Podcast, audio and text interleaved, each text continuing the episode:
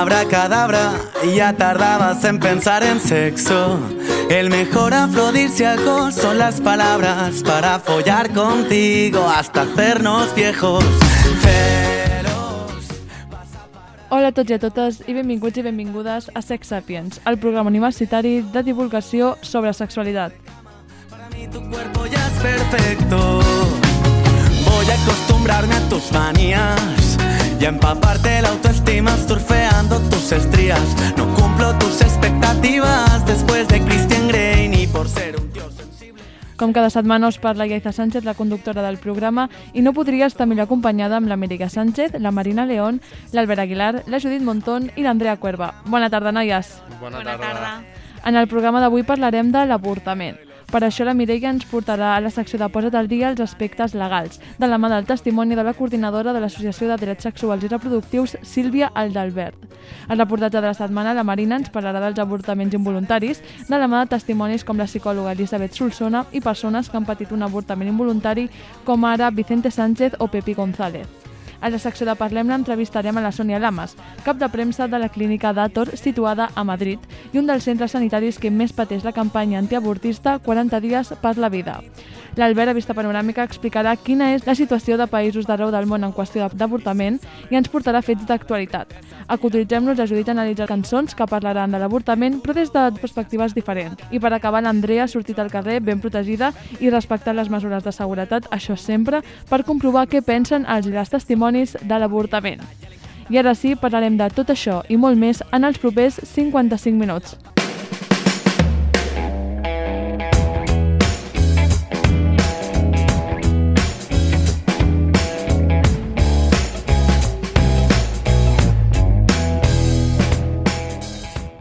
L'avortament, un dels drets que més tard s'ha reconegut a la Constitució espanyola.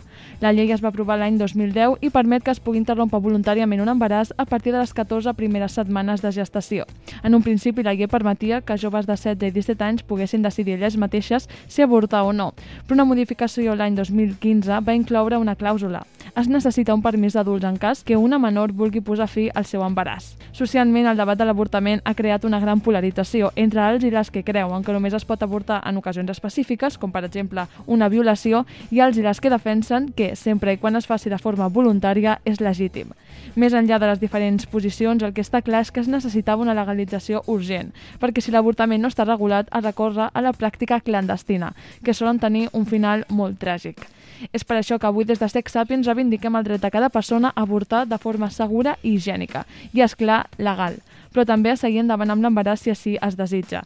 Volem remarcar que només nosaltres mateixos i mateixes podem prendre decisions sobre el nostre cos i que ningú pot jutjar-les. Dit això, comencem.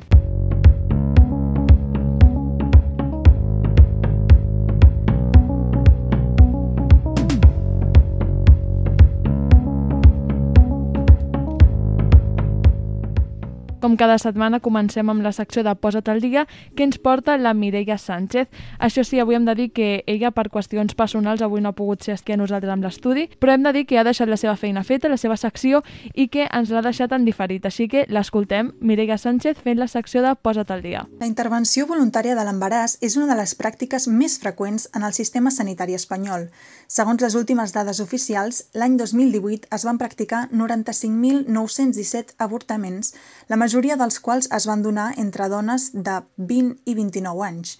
Pel que fa a les dones menors de 19 anys, serien les que menys avorten. Però vol dir això que les menors no avortin? Doncs no, sinó que tenen més dificultats per fer-ho de manera legal.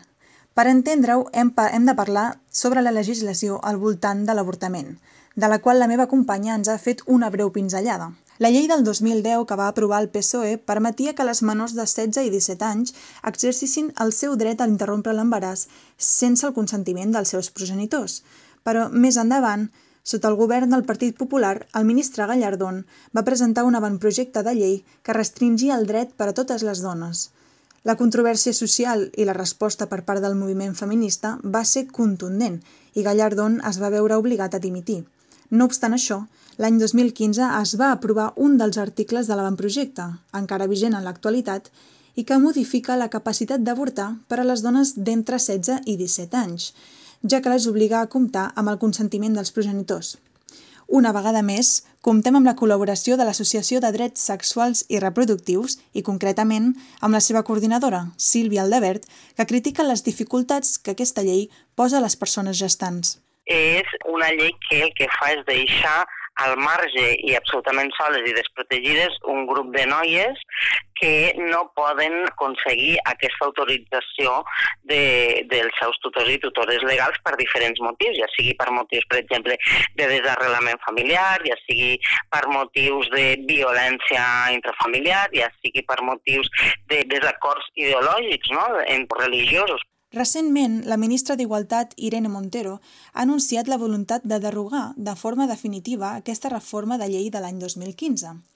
Des de l'associació celebren la decisió i remarquen que el fet de decidir sobre el propi cos és essencial perquè les persones gestants puguin avortar de forma segura. Sílvia Aldebert les noies joves, igual que totes les dones arreu del món, quan volen avortar, avorten. I llavors el que fa és que aquestes noies acabin fent avortaments clandestins que no són segurs i que posen en risc la seva vida. Per tant, és imprescindible que aquesta derogació sigui el més ràpid possible i que les noies de 16 i 17 anys puguin decidir però la interrupció de l'embaràs a Espanya no és només un problema lligat a l'edat, sinó també a la nacionalitat.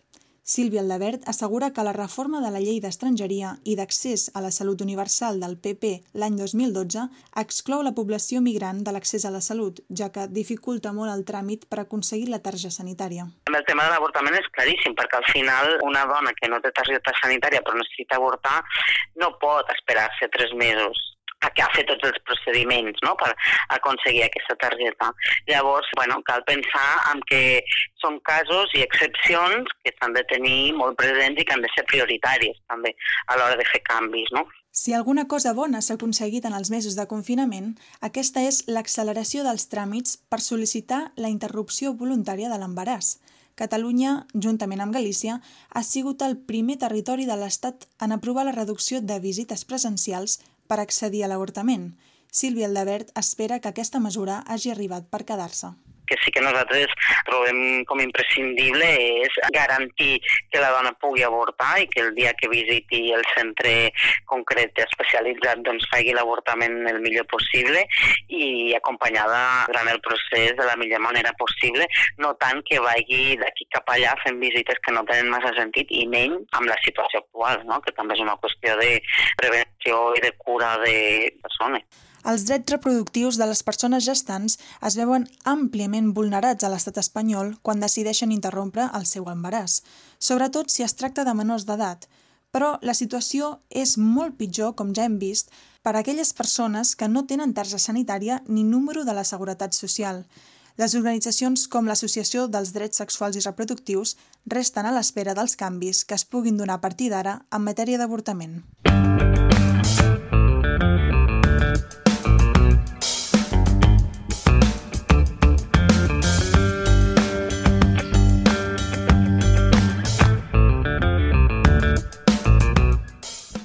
Després d'aquesta primera secció sobre l'avortament de la mà de Mírica Sánchez, passarem al reportatge de la setmana, que com sempre ens el porta la Marina León. Molt bona tarda, Marina. Bona tarda.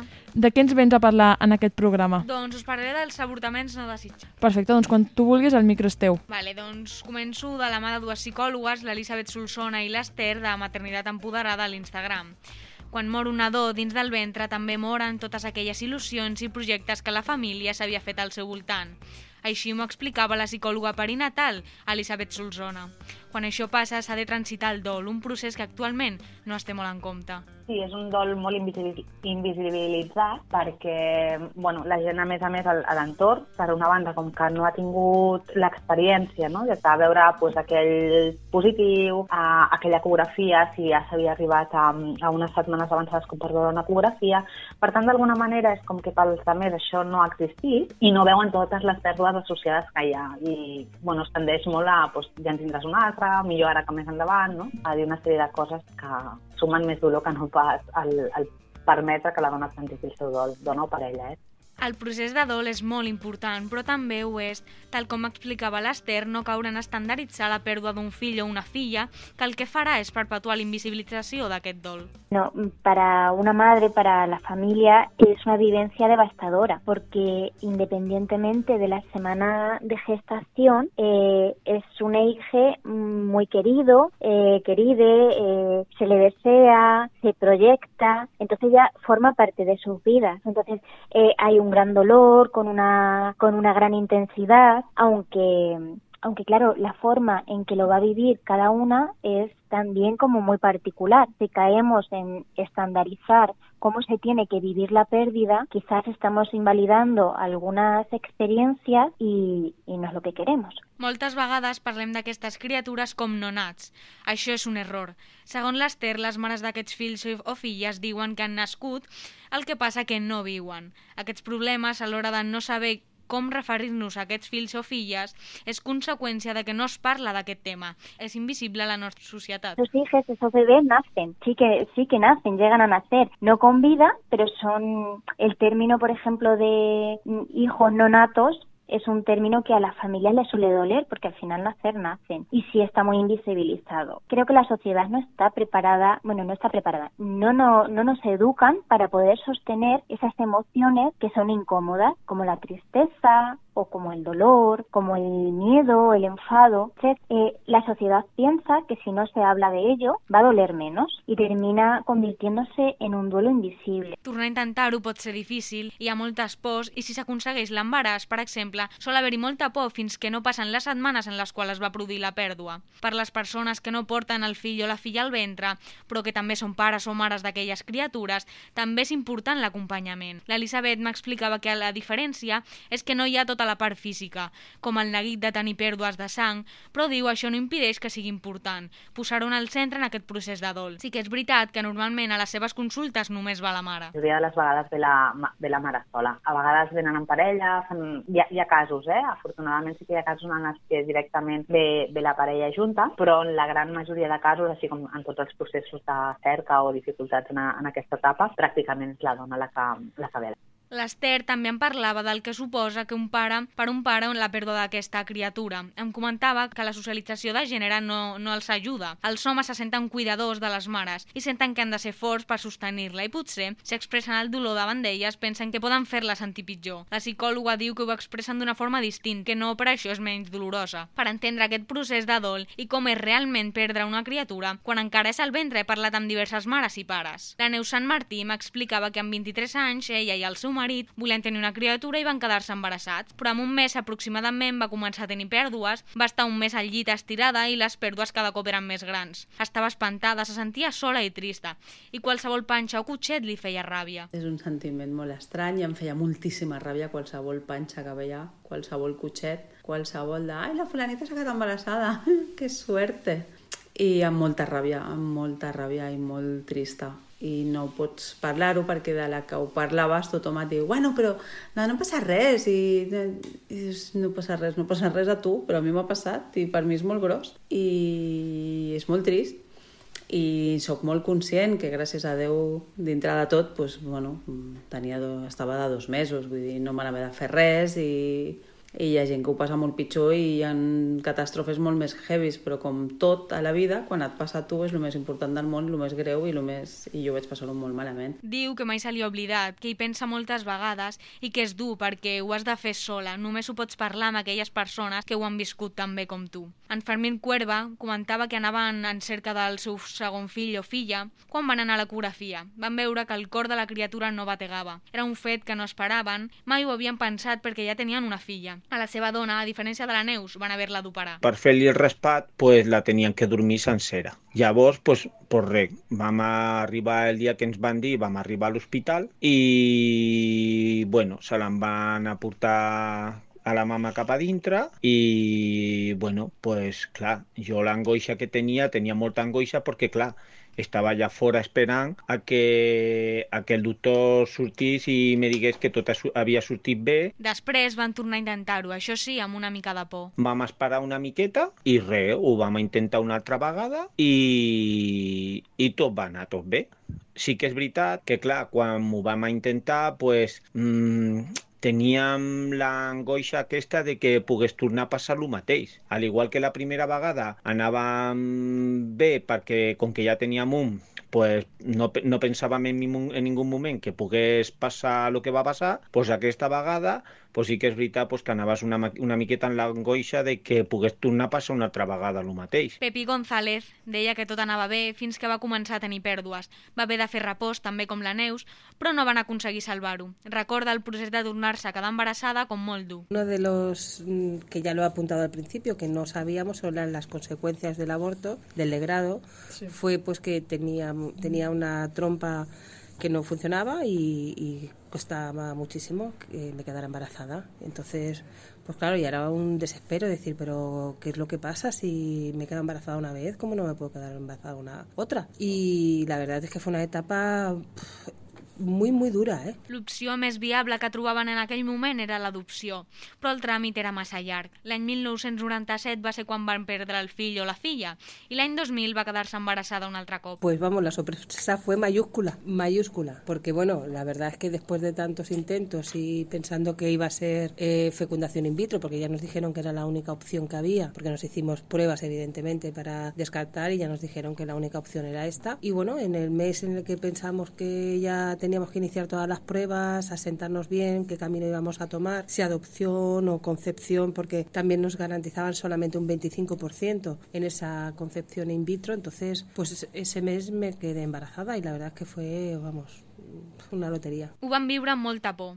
Vicente Sánchez, el marit de la Pepi, m'explicava que van sentir-se molt tristos quan van veure l'ecografia que la criatura no vivia. Va ser dur superar-ho perquè deia era un tema del qual mai van explicar-li els motius. Li deien que la natura era sàvia. Pensava que l'havia tocat a ell com a tantes altres persones i que al final el que havia de fer era passar pàgina. Com a pare no va sentir que el seu dol s'invisibilitzés. Pensava que era important tenir-la en compte a ella, que havia patit la part física. Però com no puede ser de otra manera, al final es, ella la que tiene que tener mucho más cuidado, ¿no? Es ella la que lo lleva en su vientre, la que ha estado con vómito, la que está con mareos, la que se ha encontrado mal, la que ha tenido pérdidas, la que la han operado para quitárselo, o sea, al final yo creo que en este caso es la mujer la que debe de tener mucho más cuidado que un hombre y yo en ningún momento me sentí desplazado ni solo ni nada de eso, ¿no? Totes les persones entrevistades se senten sostinguts per persones que van passar pel mateix i és comú escoltar que no pensaven que això els podia passar a ells o a elles. Per aquest motiu és necessari que la pèrdua d'un o d'una bebè al ventre deixi de ser un tema que quedi sempre a l'ombra quan es parla de maternitat. Amb aquest missatge i amb totes les seccions que quedem, Marina, moltíssimes gràcies per aquest reportatge tan ben fet, com cada setmana. I ara passarem a la secció de Parlem-ne.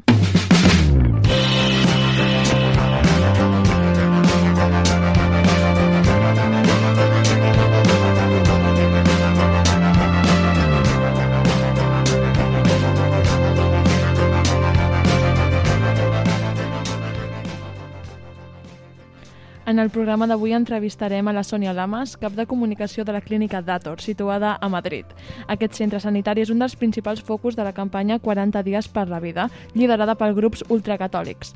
En ella assetgen a les dones que volen practicar un avortament per a fer-les canviar d'opinió, entre moltes altres qüestions.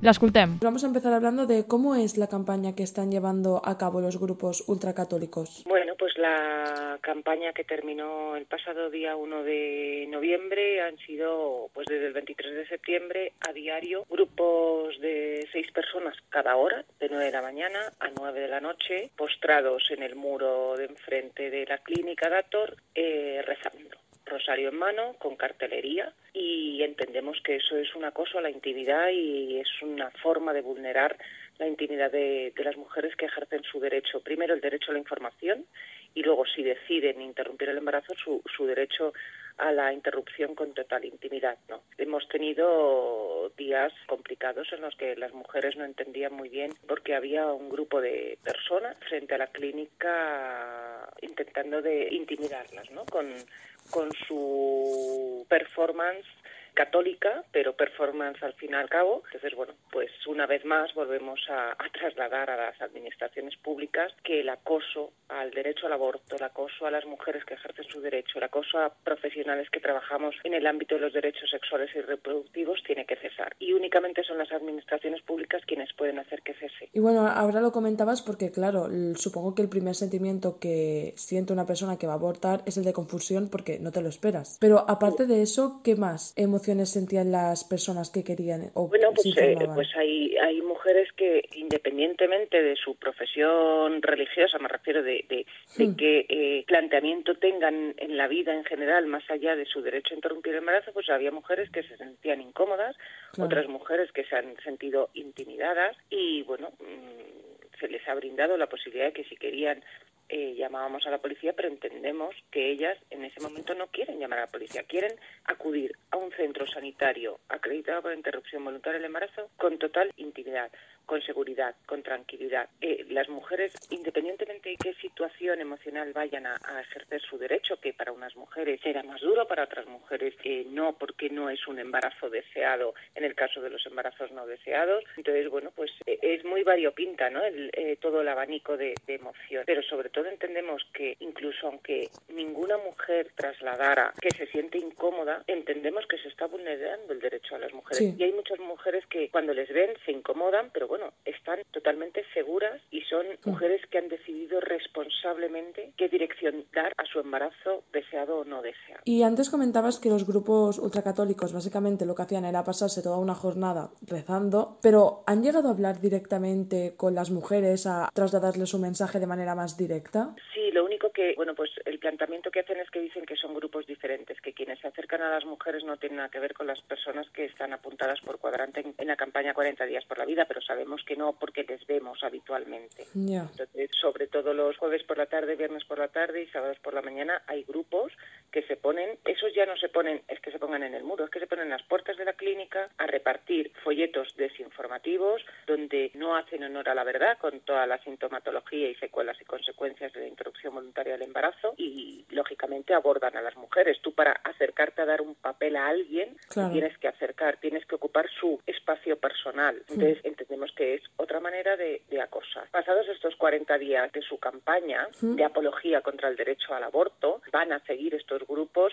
en los entornos más cercanos y más próximos a los, a los centros sanitarios, en Madrid, en Albacete, en Málaga, en Cádiz, en cualquier punto, porque tienen impunidad, no se les está parando para que dejen de acosar. Y a nivel legal, ¿qué es lo que estáis intentando hacer desde la clínica? Porque si tienen total impunidad para realizar estos actos, pues claro, es un problema. A, a nivel legal, no solo desde Clínica Datos, sino que eh, bueno, nos conformamos el año pasado, el 25 de septiembre del año pasado, hicimos la presentación oficial de la plataforma Aborto sin Acoso. Bueno, es la plataforma Pro Derechos, pero con la primera iniciativa social de aborto sin acoso. Entonces, pedimos diferentes cosas a nivel legislativo. Por un lado, que se incumplan las normativas municipales, es decir, que no se puedan poner pegatinas en mobiliario urbano, que no se puedan hacer pintadas en el suelo y que todo eso se denuncie y lógicamente denunciamos las clínicas. El pasado viernes por la noche, eh, bueno, pues nos lanzaron huevos a la fachada de Dator y mañana, que es el primer día que se puede ir a trabajar, pues iremos a poner la denuncia correspondiente. Pero a nivel legal pedimos que las normativas municipales, autonómicas y estatales se cumplan. Sabemos que como no hay nada tipificado específico para ir contra el acoso al derecho al aborto, pues lo que estamos pidiendo desde la plataforma es una normativa similar a nuestro entorno europeo, por ejemplo Francia, como la ley francesa, una ley de artículo único en la que está penalizado el acoso y no solo el acoso en la presencia física, sino el acoso y la difamación a través, por ejemplo, de las redes sociales o, o de Internet. Y entre ese mínimo de cumplir la ley y ese máximo mm, que pedimos de la ley francesa, pues lo que pedimos, por un lado, es que se cumpla el compromiso político del gobierno de coalición de las zonas seguras para contener alrededor de los centros sanitarios, pero sobre todo algo que no necesita de ningún consenso político es el incorporar al Real Decreto un nuevo artículo en el que se garantice la autonomía de las mujeres. Y entiendo que de momento todas esas peticiones han caído en saco roto. Bueno, no podemos decir en saco roto vamos a dar eh, votos de confianza,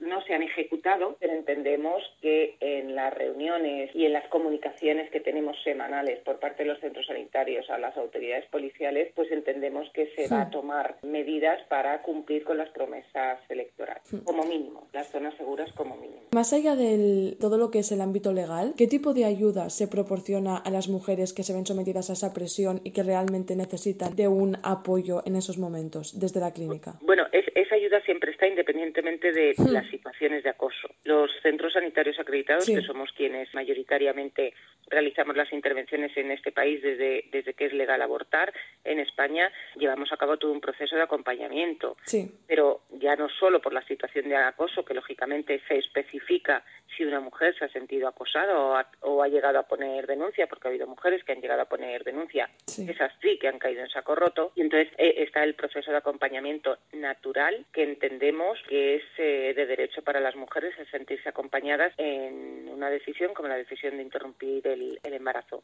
Igual que existe ese proceso de acompañamiento cuando en el momento de la información las mujeres deciden seguir adelante con su embarazo. Me refiero que, que los centros sanitarios acompañamos a las mujeres independientemente sea cual sea su decisión, porque lo importante en una democracia es que los derechos no obligan, los derechos permiten. Ya para acabar, ¿qué tipo de mensaje se quiere trasladar desde la clínica? Bueno, pues desde Clínica Lo que queremos trasladar es que abortar es un derecho, es un derecho además reconocido como una prestación sanitaria en el Sistema Nacional de Salud, por lo tanto, aquellas administraciones que están haciendo dejación de funciones de sus pacientes, porque mayoritariamente y de forma afortunada las mujeres ejercen por la vía pública el derecho a interrumpir el embarazo, que abortar es una decisión, es una decisión íntima y personal, y aunque sabemos que a nivel de, de colectivo de ciudadanía está más que superado el debate, pero sí que hacemos llegar a que las mujeres no pueden ejercer su derecho tranquilamente porque hay un- una serie de personas, grupos muy bien organizados que hostigan a las mujeres para que de alguna manera mm, dejen atrás su decisión de abortar. Pues con ese mensaje, si te parece, dejamos la, la entrevista a ver si Muy hay bien. suerte y, y cesa este acoso, porque no se puede llamar de otro modo. Muchísimas gracias. Como medio de comunicación que estáis siguiendo desde el inicio toda la situación de acoso, os contaremos cómo van las administraciones Genial. respondiendo. Pues oye, muchísimas gracias, de verdad. Nada, ha sido aquí, un placer. Yaisa, muchísimas gracias.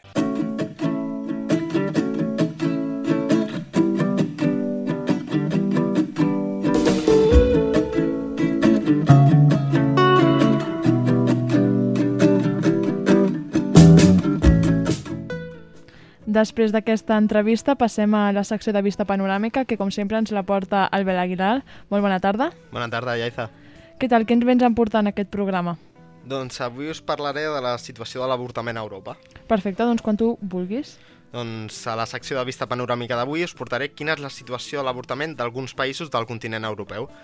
Començarem per França, on dins de les primeres 21 setmanes de gestació és legal interrompre un embaràs. Després d'aquest termini, la llei francesa no castiga les dones en embarassos més avançats que es realitzin avortaments en altres països. A l'Alemanya, l'avortament és només legal per indicació mèdica quan l'embaràs provoca greus problemes a la dona. Al Regne Unit, l'avortament és legal i es pot practicar fins a la setmana 24 de gestació, però si hi ha risc que el bebè neixi amb discapacitats severes o si l'avortament pot evitar a la dona gestant danys físics o mentals, l'embaràs es pot interrompre en qualsevol moment. A Àustria, després d'haver realitzat una consulta mèdica amb un operador sanitari, una dona pot avortar legalment abans que es compleixin les 16 setmanes de gestació. Per als menors de 14 anys que queden embarassades i no desitgin continuar endavant amb la gestació, el termini és més flexible. A Dinamarca és possible avortar en el segon trimestre de l'embaràs i fins per motius socioeconòmics. A Suècia, l'avortament pot ser practicat a comanda de la gestant fins a la setmana 18 d'embaràs. Transcorregut aquest període, la dona pot argumentar raons especials per complicacions a la seva salut o la del fetus. Les raons especials són avaluades per una Comissió Nacional de la Salut, la decisió de la qual és inapel·lable, i a Finlàndia és legal avortar i no existeix l'objecció de consciència. A Grècia, l'avortament està permès dins de les primeres 12 setmanes de gestació.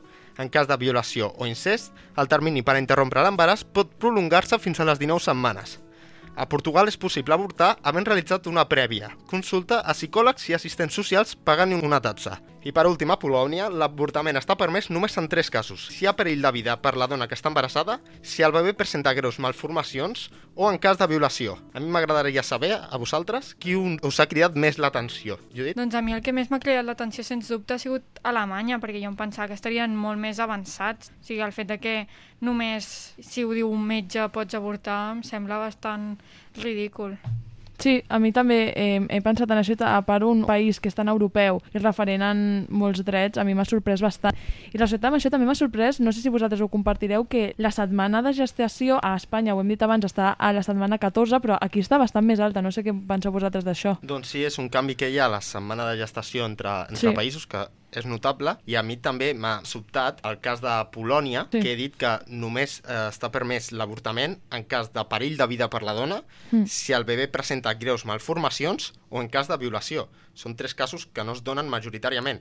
Sí. I, de, I això ho connecto amb la primera notícia que us volia portar avui, que és de Polònia, justament, és que d'aquests tres casos, la majoria es donen quan el bebè porta alguna greu malformació, però el govern de Polònia vol restringir i prohibir l'avortament en aquest cas. El que vol fer és que només eh, s'accepti la- l'avortament en cas de violació o en el cas que la dona pugui morir. Què ha passat a Polònia l'últim mes? Perquè això és d'actualitat, la veritat, molt present al, als diaris. I, bueno, el que ha passat és que la gent ha sortit al carrer per queixar-se d'això i el govern polac ara mateix el que ha fet és retrasar la prohibició i ara mateix tot això està aturat, però el que volen fer és que només en aquests dos casos, repeteixo, en cas de, de mort de la dona o, o violació, es pugui acceptar l'avortament. A mi amb això em sembla, bueno, em sembla molt fort, és a dir, no, no entenc com a ple segle XXI encara estem tenint aquest debat i encara es restringeixen tant els drets de les persones que tenen dret a avortar. No sé vosaltres què en penseu, noies.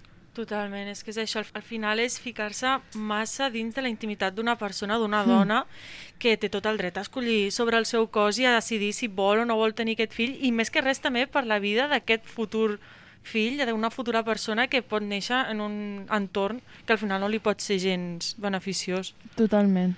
Doncs jo crec que us agradarà més l'exemple del següent país que us porto, que és l'exemple de Groenlàndia, un país on a l'any hi ha eh, més avortaments que naixements.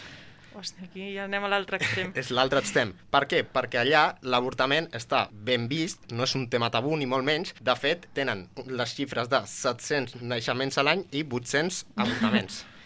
Allà, dimecres, és el dia de l'avortament, com aquí podríem dir el dia de l'espectador, i és un dia de festa on la gent surt al carrer per celebrar els seus drets. És el, el cas plenament contrari al que passa a Polònia.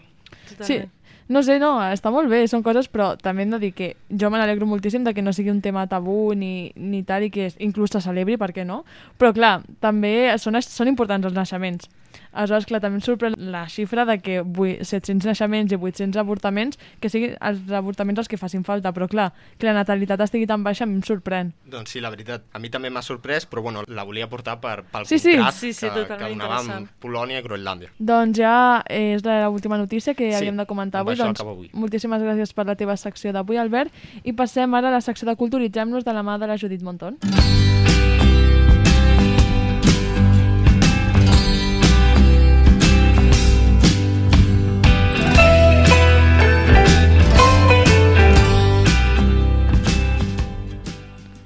Molt bona tarda, Judit. Bona tarda.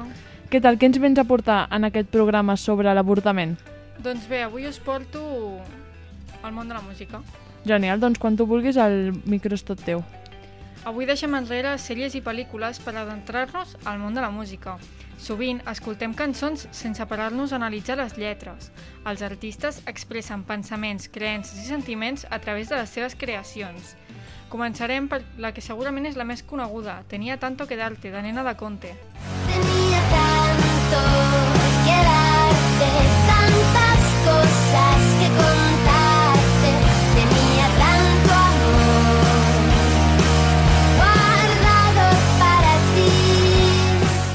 diferència del que molts es pensen, Nena de Conte no va escriure aquesta cançó parlant de l'avortament, sinó d'un desamor.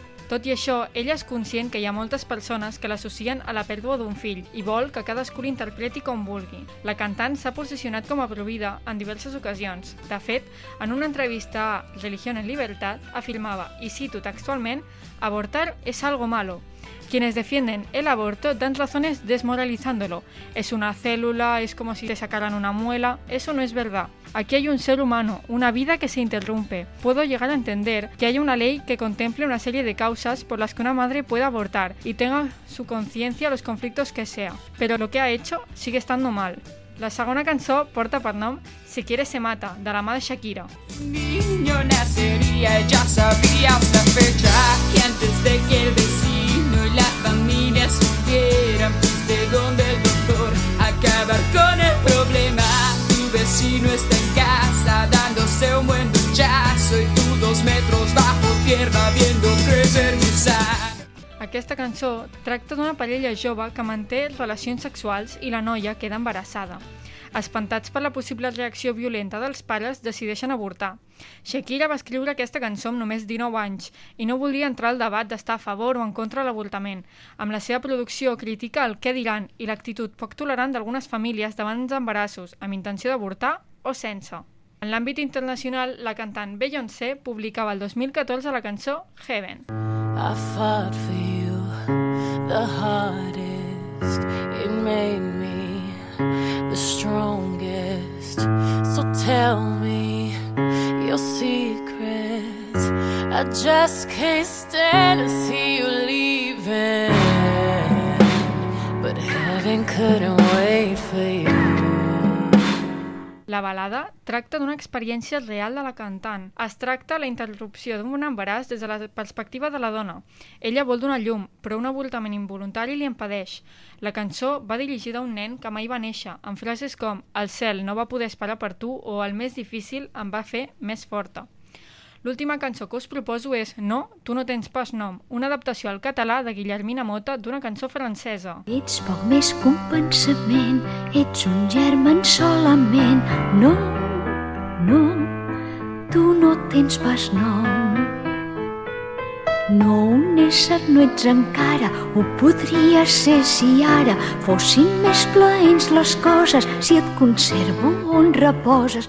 L'autora de la cançó original, Anne Silvestre, utilitza les seves cançons per abordar temes socials com la violació o l'avortament, com és el cas d'aquesta cançó. És un al·legat en defensa del dret a l'avortament.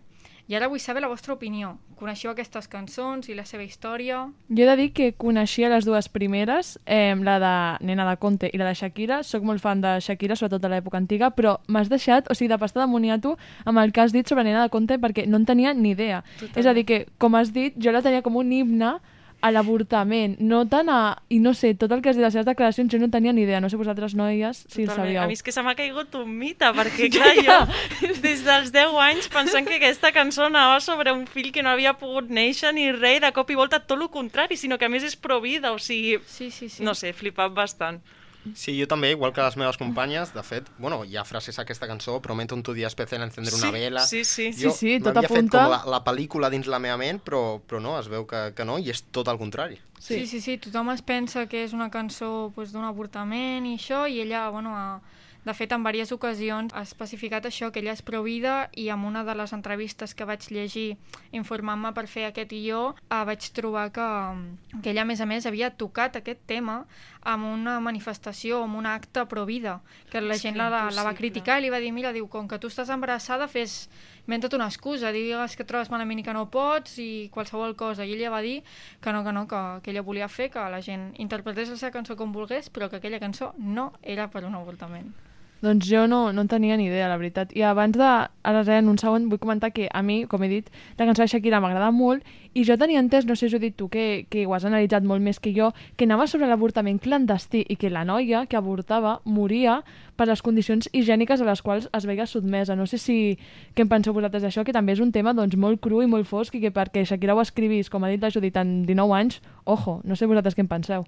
Hosti, jo a tant no he arribat, sí que és veritat que amb les lletres de les cançons es pot deixar entreveure això És que això. dius tu, sobretot amb la part final del tros que he posat, Hmm. uh, es veu, no?, com ell, Sí. la noia va al metge i de cop acaba morta. Que això, amb un Ella i- avortament ell, Ella normal. i nen, i Clar. clar, és, és complicat el tema. Sí, Sí, és molt, és molt dur. Bueno, bàsicament volia dir que les cançons són un mitjà d'entreteniment molt estès, però no podem oblidar que hi ha artistes que les utilitzen per abordar temes molt importants i de tant en tant s'hauria d'analitzar el que diuen. Doncs totalment amb aquest missatge i amb tots els seus anàlisis acabem la secció d'avui de Culturitzem-nos. Moltíssimes gràcies, Judit, com sempre. Merci. I ara passarem a la secció de les veus del carrer. Molt oh you.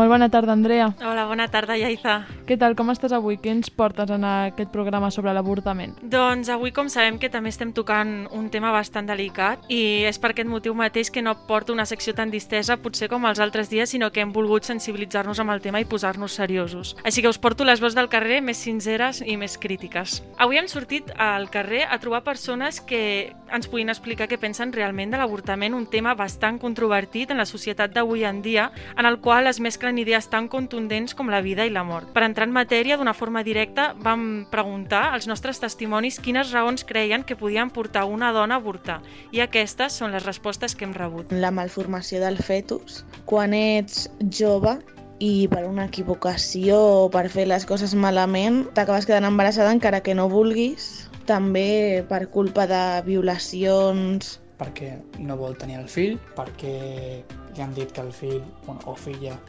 pot sortir amb algun tipus de problema de salut, perquè ha sigut que han tingut poca precaució a l'hora de tenir relacions sexuals, perquè hagin violat a la dona. La primera raó d'avortar és has tingut una relació, el condó s'ha trencat o has utilitzat una marxa enrere i no ha funcionat, o per si de cas, et prens la pastilla Després jo crec que bueno, t'has quedat embarassada, aposta o no, la teva situació laboral, econòmica, fa que tu decideixis, o personal, que tens una mala relació amb la teva parella, i fa que no vulguis tenir un fill, no puguis mantenir-lo, i jo crec que la tercera, quan l'embaràs està més avançat, i et diuen doncs, que doncs, té una malaltia o hi ha alguna complicació. Els nostres testimonis ens han il·lustrat perfectament el ventall de possibilitats que poden portar una persona a avortar. És cert que en totes les ocasions parlem d'avortaments voluntaris, res a veure amb avortaments involuntaris o sobtats, que és un dels temes que hem tractat avui al reportatge.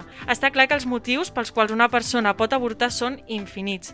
Com hem pogut escoltar, l'avortament pot suposar des de l'únic camí quan es troben dificultats en l'embaràs o possibles complicacions del fetus, fins a convertir-se en la solució a problemes del passat, com per exemple practicar sexe sense protecció o bé un embaràs no desitjat. Però tots els motius són lícits? Aquesta és la segona pregunta que hem formulat a les veus del carrer i ens han respost així. Doncs aquesta pregunta em porta com a un debat intern de veure si hi ha uns motius que siguin més vàlids que altres. Però jo crec que al cap i a la fi la decisió ha de ser de la dona.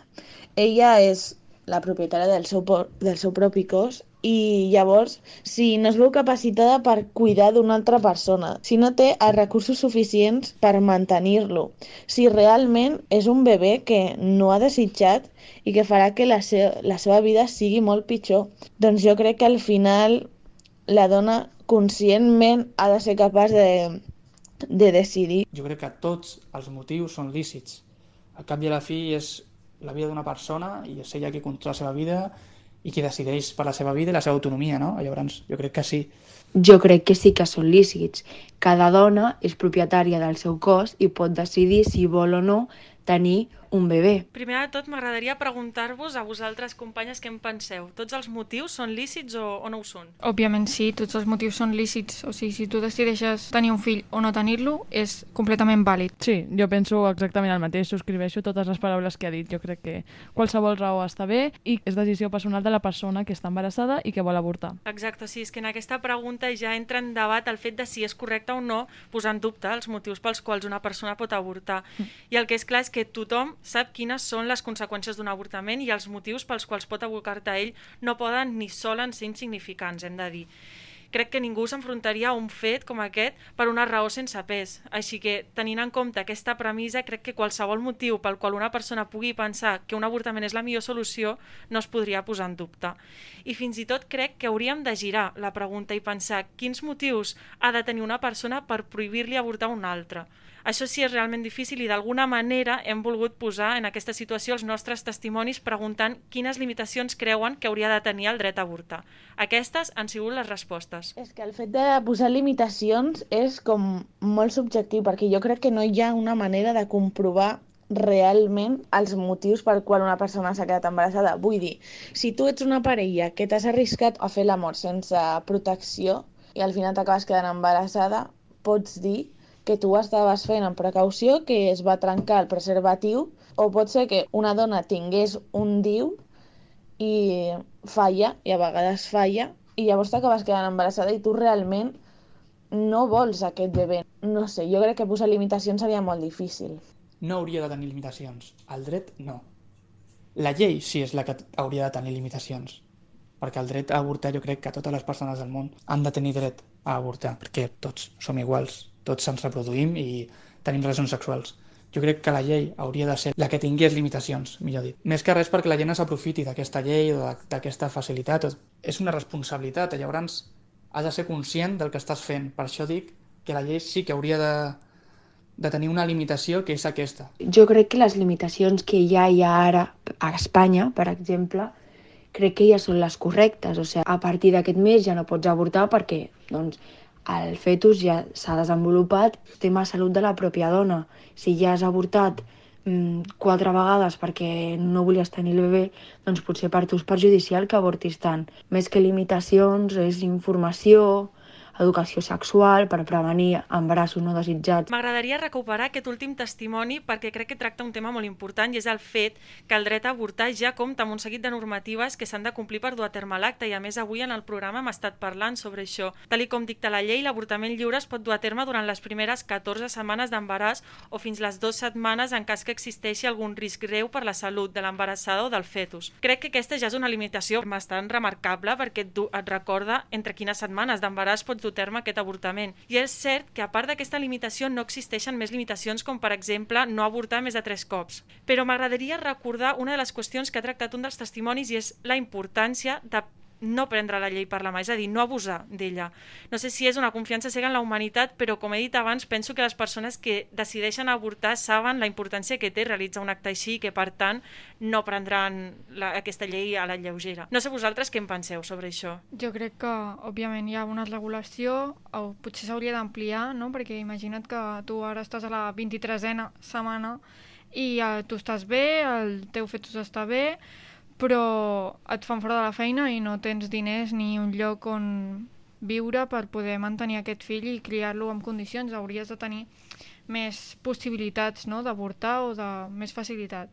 No, jo crec que hi ha d'haver una regulació de la llei, no del dret, com ha dit abans un testimoni, i, i també doncs això, o sigui, molta educació sexual perquè tothom sigui conscient no? de que això no és un mètode anticonceptiu, que això no t'evita un embaràs, ni les conseqüències de l'embaràs, ni les conseqüències de l'avortament, no? que, que són bastant increïbles a nivell físic i mental de les dones. Sí, jo el que ha dit la, la meva companya Judit, jo també considero que dins les limitacions i les restriccions que n'hi ha ara, això de les setmanes també ampliaria potser el marge. 22, a mi personalment em- em semblen poques, perquè, pel que ha dit la Judit, perquè encara poden sorgir complicacions a, a l'embaràs, i això de les, el tres cops a l'any, bueno, aquesta em, em sembla més discutible per això que ha dit la Judit també, perquè la gent tingui consciència del que ha de fer a través de l'educació sexual i no es prengui l'avortament com un mètode anticonceptiu. Exacte, això és un tema important perquè és cert que aquest argument de si legalitzem l'avortament es convertirà en un mètode anticonceptiu. Jo crec que justament aquí és on recau el problema, o sigui, crec que tots som molt conscients de quins són els mètodes anticonceptius més efectius i recolzar-se en un argument així l'únic que aconseguirà és invisibilitzar una realitat latent, que és el fet que milers de dones avorten cada any i el més important de tot, que eliminar aquest dret a l'avortament no farà que de sobte ningú avorti, tot el contrari. Segurament acabin en clíniques clandestines en les quals al final doncs, pot ser el no desitjat, com per exemple a la cançó de Shakira que ens ha mostrat la Judit. I per això m'agradaria acabar aquesta secció recordant que l'avortament legal no augmentarà el nombre d'avortaments a l'any exponencialment, sinó que legalitzar l'avortament només ajuda a disminuir el nombre de dones mortes en aquests processos clandestins. Totalment, Andrea, amb aquest missatge i amb tot ens quedem. I ara passem al consultori que ens el porteu, com sempre, l'Andrea i la Judit. Així que quan vulgueu, noies, el micro és tot vostre. Avui tornem una setmana més amb el consultori i ens agradaria donar-vos les gràcies a tots i totes aquelles que participeu amb nosaltres i que pregunteu els vostres dubtes perquè ens fa moltíssima il·lusió rebre les vostres inquietuds i poder-vos ajudar en la mesura que, que ens sigui possible des d'aquí el programa. Avui portem qüestions molt interessants i que poden servir de molta ajuda i com sempre comença aquest consultori la Judit. A veure, Judit, quina és la primera pregunta que ens ha arribat? Doncs avui ens han preguntat de fins quin mes es pot avortar i això, bueno, que hem de parlar ara s'ha parlat durant tot el programa i és que la llei espanyola estableix que una dona major d'edat resident a Espanya pot avortar de forma lliure i gratuïta segons la seva pròpia voluntat fins les 14 setmanes de gestació, sense haver de declarar el motiu ni res, el que són poc més de 3 mesos. Aquest termini s'amplia fins a les 22 setmanes en cas que existeixi risc per la vida de l'embarassada o el fetus presenti greus anomalies, alteracions incompatibles amb la vida o enfermetats incurables en el moment. La segona pregunta que ens ha arribat avui és si podem aconseguir la pastilla anticonceptiva de forma gratuïta al cap del nostre poble o ciutat. Si en aquesta pregunta ens referim a la pastilla anticonceptiva del dia de després, hem de recordar que és així. Tots els ambulatoris i hospitals ofereixen aquesta pastilla de forma gratuïta. Per aconseguir-la només és necessari apropar-se al vostre cap més proper el més aviat possible, sobretot que no vagin passat més de 72 hores després de l'acte sexual, perquè aquesta pastilla el que fa és impedir la fecundació de l'òvul i, per tant, un embaràs no desitjat. Tot i així, recordem que aquesta pastilla no és un mètode anticonceptiu, sinó un recurs d'emergència en casos excepcionals, com per exemple quan es treca un preservatiu en un acte sexual. Seguim amb la següent pregunta i és quines són les primeres passes que hem de seguir en el moment que prenem la decisió d'avortar. Per avortar, primer cal decidir si es vol fer a partir de la via pública o la, o la via privada. De totes maneres, sempre és recomanable acudir a un metge primer. Des de la Seguretat Social, la intervenció és gratuïta. Només cal tenir en vigor la targeta sanitària. El procés és aproximadament una setmana. Primer es fa una visita clínica i s'examina l'estat de gestació amb una ecografia. Després, es demana cita prèvia a la IBE, del Servei de Salut de la Comunitat Autònoma pertinent per fer els tràmits burocràtics. A partir d'aquí es donen 72 hores fins que es realitzen els tràmits, que això se'n diu període de reflexió, per si la dona es fa enrere o no. Un cop s'està segura, en un termini de 3-4 dies, la dona acudirà al centre i es farà la intervenció. Per la via privada és la més ràpida, però té un cost d'entre 350 i 450 euros, depenent del mètode utilitzat. Sovint també s'inclou la col·locació d'un mètode anticonceptiu com un DIU o un implant. Només hi ha dos visites. A la primera s'examina també l'estat de gestació amb una ecografia i s'informa del mètode més adequat per avortar. La següent visita ja és la intervenció.